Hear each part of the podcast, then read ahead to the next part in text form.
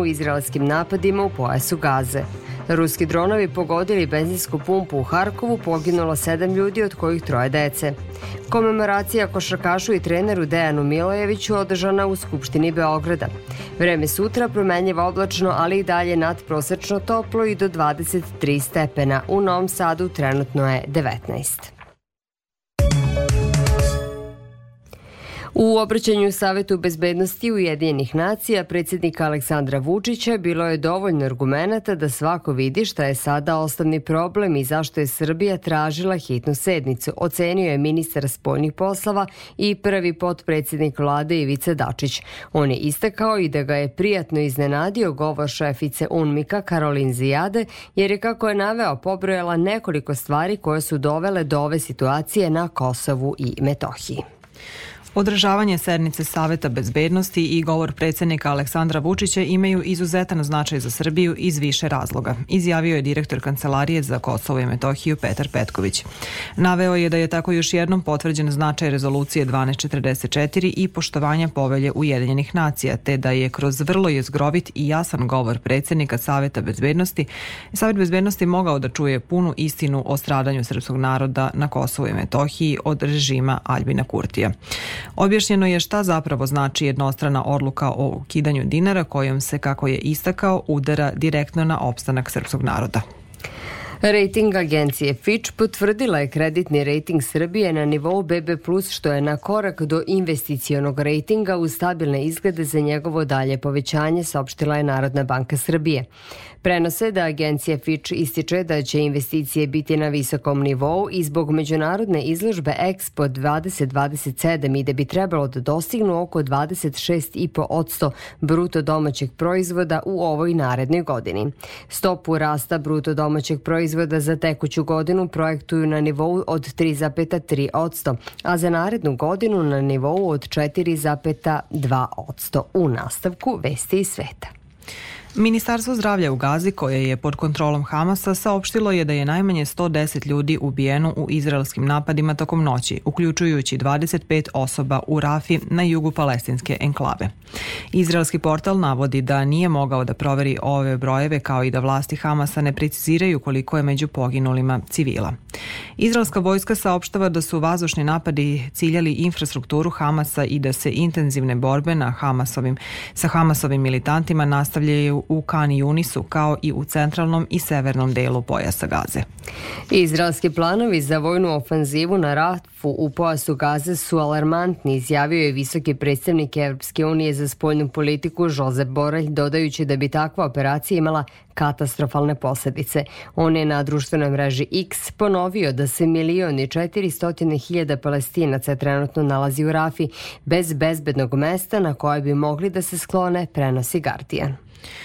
Upozorenje o mogućim katastrofalnim posledicama u slučaju da Izrael sprovede svoju najavljenu operaciju na Rafi u cilju eliminacije trupa Hamasa, uputio je i gradonačelnik tog grada rekavši da će svaka vojna akcija dovesti do masakra i krvoprolića. Očekuje se da će direktor Američke centralne obaveštajne agencije sledeće sedmice otputovati u Kairo na dalje razgovore o oslobađanju talaca, nakon što je palestinski Hamas pre nekoliko dana dostavio katarskoj vladi novu listu uslova. Ruski dronovi pogodili su benzinsku pumpu u Harkovu i izazvali veliki požar koji je zahvatio okolne kuće. Zvaničnici tvrde da je poginulo sedam ljudi, od kojih troje dece. Tri osobe stradale su u ruskom udaru na Sumsku oblast, navode lokalne, lokalne vlasti. Ruska vojska oborila je nekoliko ukrajinskih dronova ispred Branjske oblasti. Moskva saopštava da su tri osobe povređene tokom ukrajinskog granatiranja Belgorodske oblasti. Bez podrške Sjedinjenih američkih država i Evrope, Ukrajina nema šanse da se brani, izjavio je nemački kancelar Olaf Scholz nakon sastanka sa predsednikom SAD Josephom Bidenom u Vašingtonu. Njih dvojica su pozvali kongres da odblokira pomoć za Ukrajinu. Dvojice glavnih političkih protivnika proglasila su pobede na izborima u Pakistanu, a ni jedan najverovatnije neće moći samostalno da formira parlamentarnu većinu. Bivši premijer te zemlje, Imran Khan, iz zatvora i uz pomoć veštačke inteligencije demantavao je prethodne tvrdnje takođe bivšeg premijera Navaza Šarifa da je pobednik izbora. Izborna komisija potvrdila je da su nezavisni kandidati koje podržava Khan osvojili više mandata, iako je Khan u zatvoru, a njegova stranka zabranjena na glasačkim listićima. Zapad je zabrinut zbog brojnih izveštaja o izbornim nepravilnostima i zahteva međunarodnu istragu. Ljudi širom Azije dočekali su lunarnu novu godinu zmaja prema kineskom horoskopu, u krugu porodice, na festivalima i u posetama hramovima. Stanovnici Pekinga otišli su do hramova gde su mogli da prisustuju tradicionalnim narodnim predstavama, a mnogi stanovnici Hong Konga novu godinu dočekali su obučeni u crveno, boju koja se smatra srećnom u kineskoj kulturi. Pored Kine, lunarna nova godina se takođe slavi i u Južnoj Koreji, Vijetnamu i u prekomorskim kineskim zajednicama. To je najvažniji godišnji, godišnji praznik u Kini, a svaka godina je nazvana po jednom od 12 znakova kineskog zodijaka. Godina zmaja je među kinezima popularna za rađanje dece, jer zmajevi, kako se veruje, simbolizuju snagu, moć i uspeh.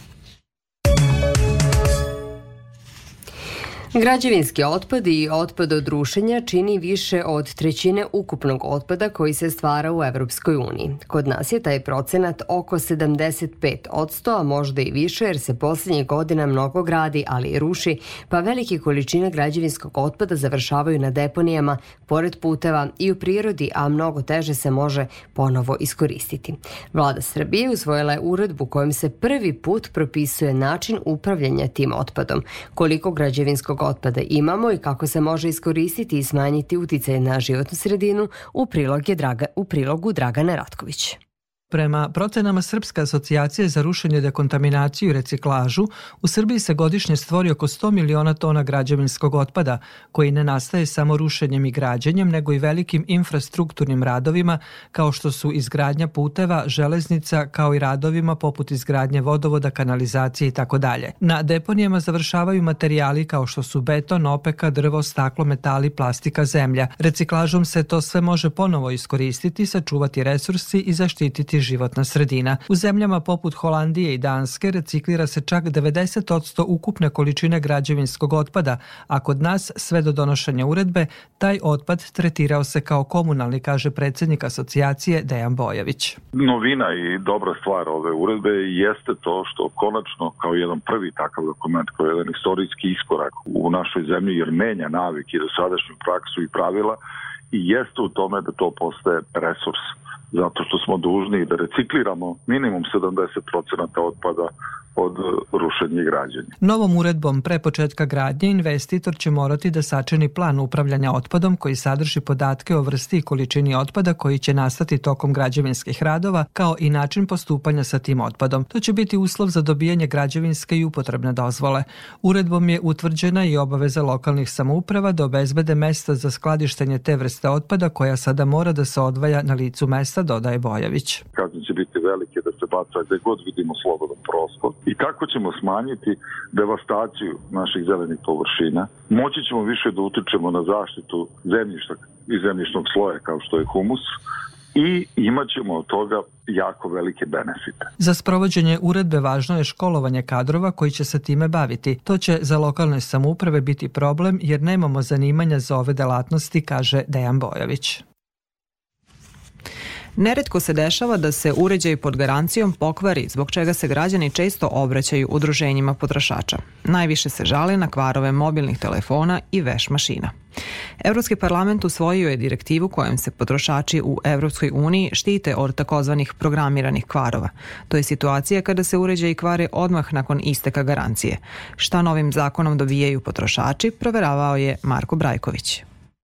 Novi zakon u zemljama Evropske unije stupiće na snagu za dve godine i trebalo bi da unapredi dostupnost rezervnih delova i poboljša oznake garancija. Za vreme primjene novog zakona trgovci treba da pripreme predugovorno obaveštavanje o klasi i specifikacijama uređaja, kako bi potrošač bio upoznat. Ukoliko dođe do kvara uređaja, potrošač ima mogućnost zamene ili popravke uređaja i nakon komercijalne garancije koju daje trgovac, kaže Jovanka Nikolić iz Asocijacije potrošača Srbije. Svo zakonodavstvo Evropske unije i to kao i naš zakon o zaštiti potrošača omogućava potrošaču da bira između zamene i popravke u roku od dve godine kada nastane problem. Međutim, ukoliko je ta zamena skuplja, to jest popravka jeftinija i u listom rangu, onda se uređaj popravlja. Ali i za period preko dve godine. Prema novom pravilniku biće formirana platforma koja će povezati proizvođače, uvoznike i trgovce sa ovlašćenim servisima, kako bi rezervni delovi bili dostupni potrošačima, kaže naša sagornica. To znači da mora da postoji ogromno tržište rezervnih delova, da to sve bude pristupačno, da informacije idu preko te platforme gde će potrošač moći u bilo kojoj državi Evropske unije, a hajde da to prenesemo i kod nas, moći da kupi taj rezervni deo ili ako se radi u okviru te garancije, da mu se najjeftinije ili besplatno izvrši popravka. Iz asocijacije potrošača Srbije kažu da bismo usklađivanjem naših zakona sa direktivom Evropske unije došli do kvalitetnijih proizvoda sa zapada u narednom periodu. U Udruženje Zaštitnik preduzetnika i privrednika Srbije i Udruženje Svici u mraku potpisali su memorandum o saradnji koji za cilj ima podršku posebne zajednice deci i osobama sa autizmom. U saopštenju pozivaju preduzetnike i privrednike Srbije da se aktivno uključe donacijama građevinskog materijala ili novca za izgradnju inkluzivnog kampa u selu Venčane kod Aranđelovca i da zajedničkim snagama postaknu društveno odgovorno poslovanje i uključivanje osoba sa invaliditetom u radne procese.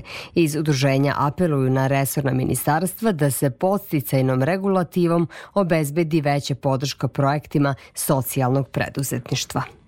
U Centru za pružanje usluga socijalne zaštite Kikinda korisnici su obučeni za rad na sublimacionom štampaču. Tako u našoj kući, kako u Kikindi nazivaju centar, nastaju različiti cegeri, majice i šolje, koji se lako prodaju jer su unikatni.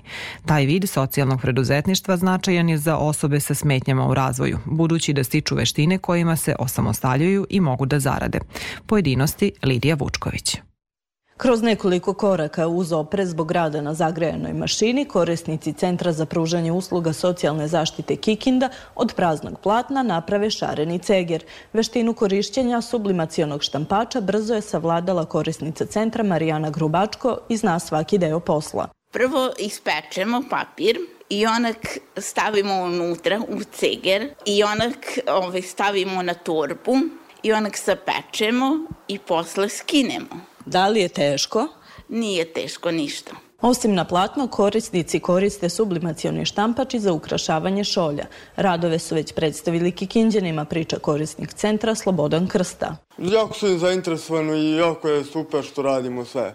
Nabavka sublimacionog štampača za tkanine i šolje trajala je oko pola godine, a centar je novac prikupljao takođe uz rad korisnika, odnosno igrajući predstavu Vulkanizarska drama. Sve su to bili koraci u razvoju socijalnog preduzetništva, dodala je Nikoleta Pavlov, VD direktorke centra. To jeste jedan neki cilj naš za budućnost, da probamo nekako da uposlimo naše korisnike, da bi oni jednog dana mogli da zarade neki dinar, jer oni jesu takva kategorija koju teško teško da će neko da zaposli.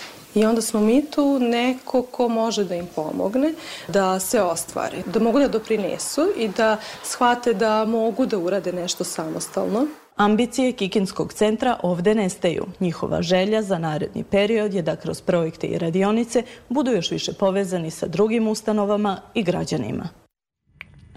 Interesovanje domaćih turista za odmor u planinskim centrima i banjama Srbije za predstojeći praznik je veliko, izjavila je direktorka turističke organizacije Srbije Marija Labović i navela da je popunjenost smeštenih kapaciteta na nekim destinacijama poput Koponika i Zlatibora veća od 80%.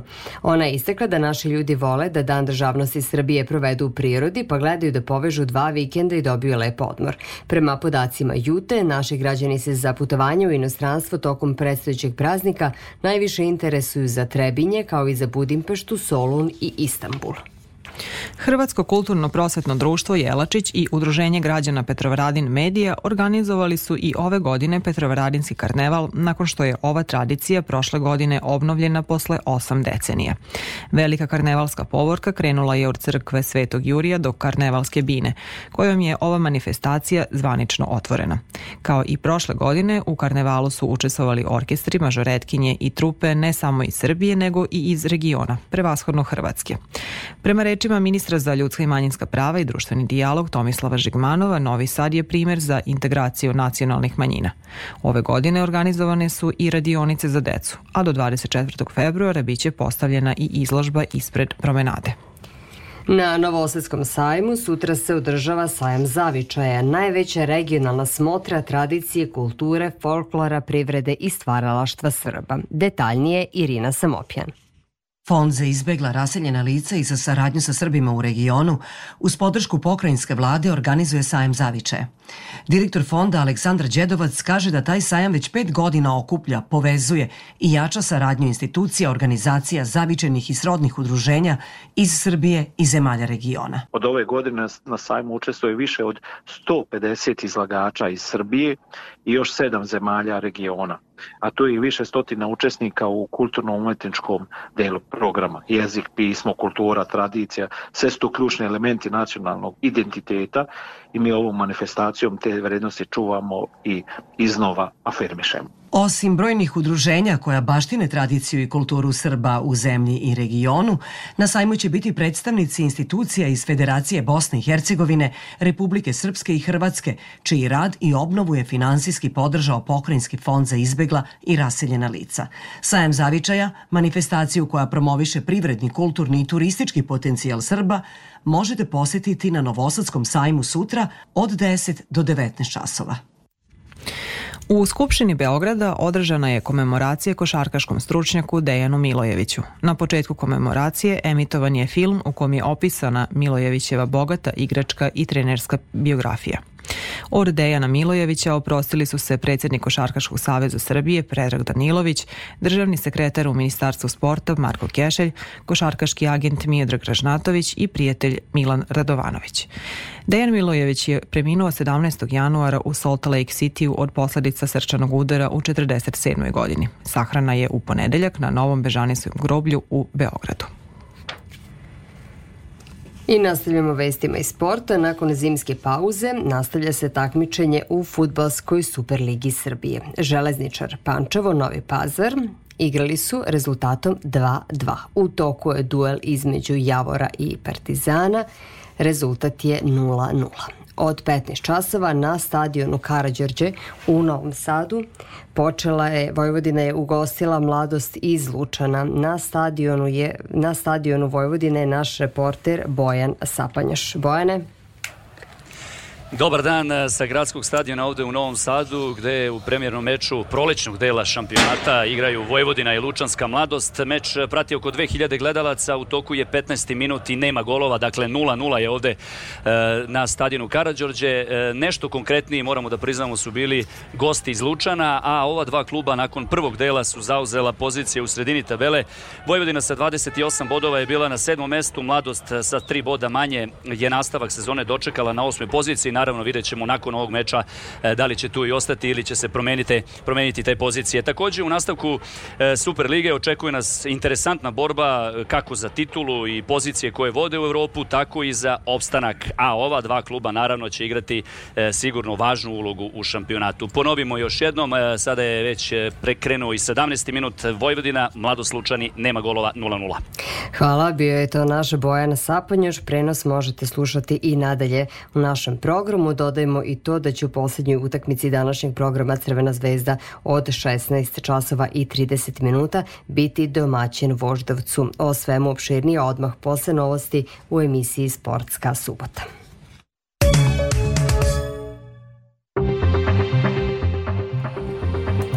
I pred kraj emisije još jednom najvažnije sadržaja. Agencija Fitch potvrdila kreditni rating Srbije na nivou BB u stabilne izglede za njegovo dalje povećanje. Više od 100 ljudi noćas je obijeno u izraelskim napadima u pojasu Gaze. Ruski dronovi pogodili benzinsku pumpu u Harkovu, poginulo sedam ljudi od kojih troje dece. Komemoracija košarkašu i treneru Dejanu Milojeviću održana u Skupštini Beograd. Vreme sutra promenljivo oblačno, ali i dalje nad prosečno toplo i do 23 stepena. U Novom Sadu trenutno je 19 stepeni, relativno vlažnost vazduha 35 procenata, pritisak ispod normale 990 milibara, istočni vetar duo brzinom od 2 metra u sekundi. I u nastavku da čujemo kako nas vreme očekuje sutra i narednih dana. U Vojvodini u nedelju promenljivo oblačno, nadprosečno toplo i vetrovito. Duvaće umeren i jak južni i jugoistočni vetar koji će najjači biti na jugu Banata gde se očekuje i udari olujne jačine. Kasnije posle podne i uveče vetar će biti u slabljenju. Slaba kiša će padati ponegde na severu pokrajine. Najniža temperatura od 10 do 13, a najviša dnevna od 18 do 22 stepena. U Vojvodini početkom sledeće sedmice oblačno i hladnije, mestimično sa kišom, a u drugoj polovini sedmice očekuje se suvo vreme sa dužim sunčanim periodima. Za Radio Novi Sad, meteorolog Miodrag Stojanović. Slušali ste novosti prvog programa radija Radio Televizije Vojvodine. Tonska realizacija emisije Ivan Živković. Jasmina Dabić i Jovana Golubović žele vam prijetan ostatak dana. Sledi sportska subota.